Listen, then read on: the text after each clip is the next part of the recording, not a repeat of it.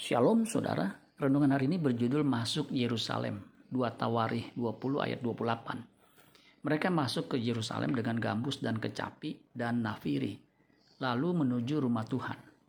Wahyu 21 ayat 27, tetapi tidak akan masuk ke dalamnya sesuatu yang najis atau orang yang melakukan kekejian atau dusta, tetapi hanya mereka yang namanya tertulis di dalam kitab kehidupan anak domba itu bangsa Israel masuk ke kota Yerusalem dengan puji-pujian lalu masuk ke bait Allah.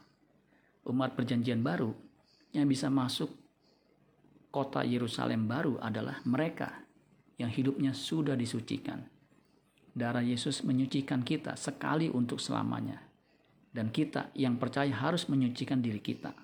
2 Timotius 2 ayat 21 sampai 24. Jika seorang menyucikan dirinya dari hal-hal yang jahat, ia akan menjadi perabot rumah untuk maksud yang mulia.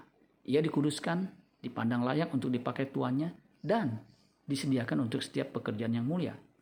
Sebab itu, jauhilah nafsu orang muda, kejarlah keadilan, kesetiaan, kasih, dan damai bersama-sama dengan mereka yang berseru kepada Tuhan dengan hati yang murni. Hindarilah soal-soal yang dicari-cari, yang bodoh dan tidak layak Engkau tahu bahwa soal-soal itu menimbulkan pertengkaran. Sedangkan seorang hamba Tuhan tidak boleh bertengkar, tetapi harus ramah terhadap semua orang. Ia harus cakap mengajar sabar. Itulah sebabnya kita harus keluar dari pergaulan yang buruk dengan dunia ini agar bisa masuk ke kota Yerusalem baru. 2 Korintus 6 ayat 16 sampai 18. Apakah hubungan bait Allah dengan berhala?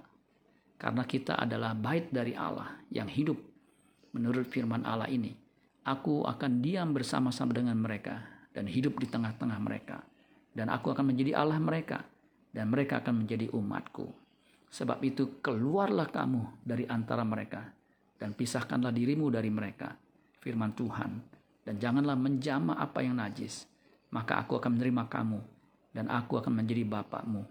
Dan kamu akan menjadi anak-anakku laki-laki dan anak-anakku perempuan.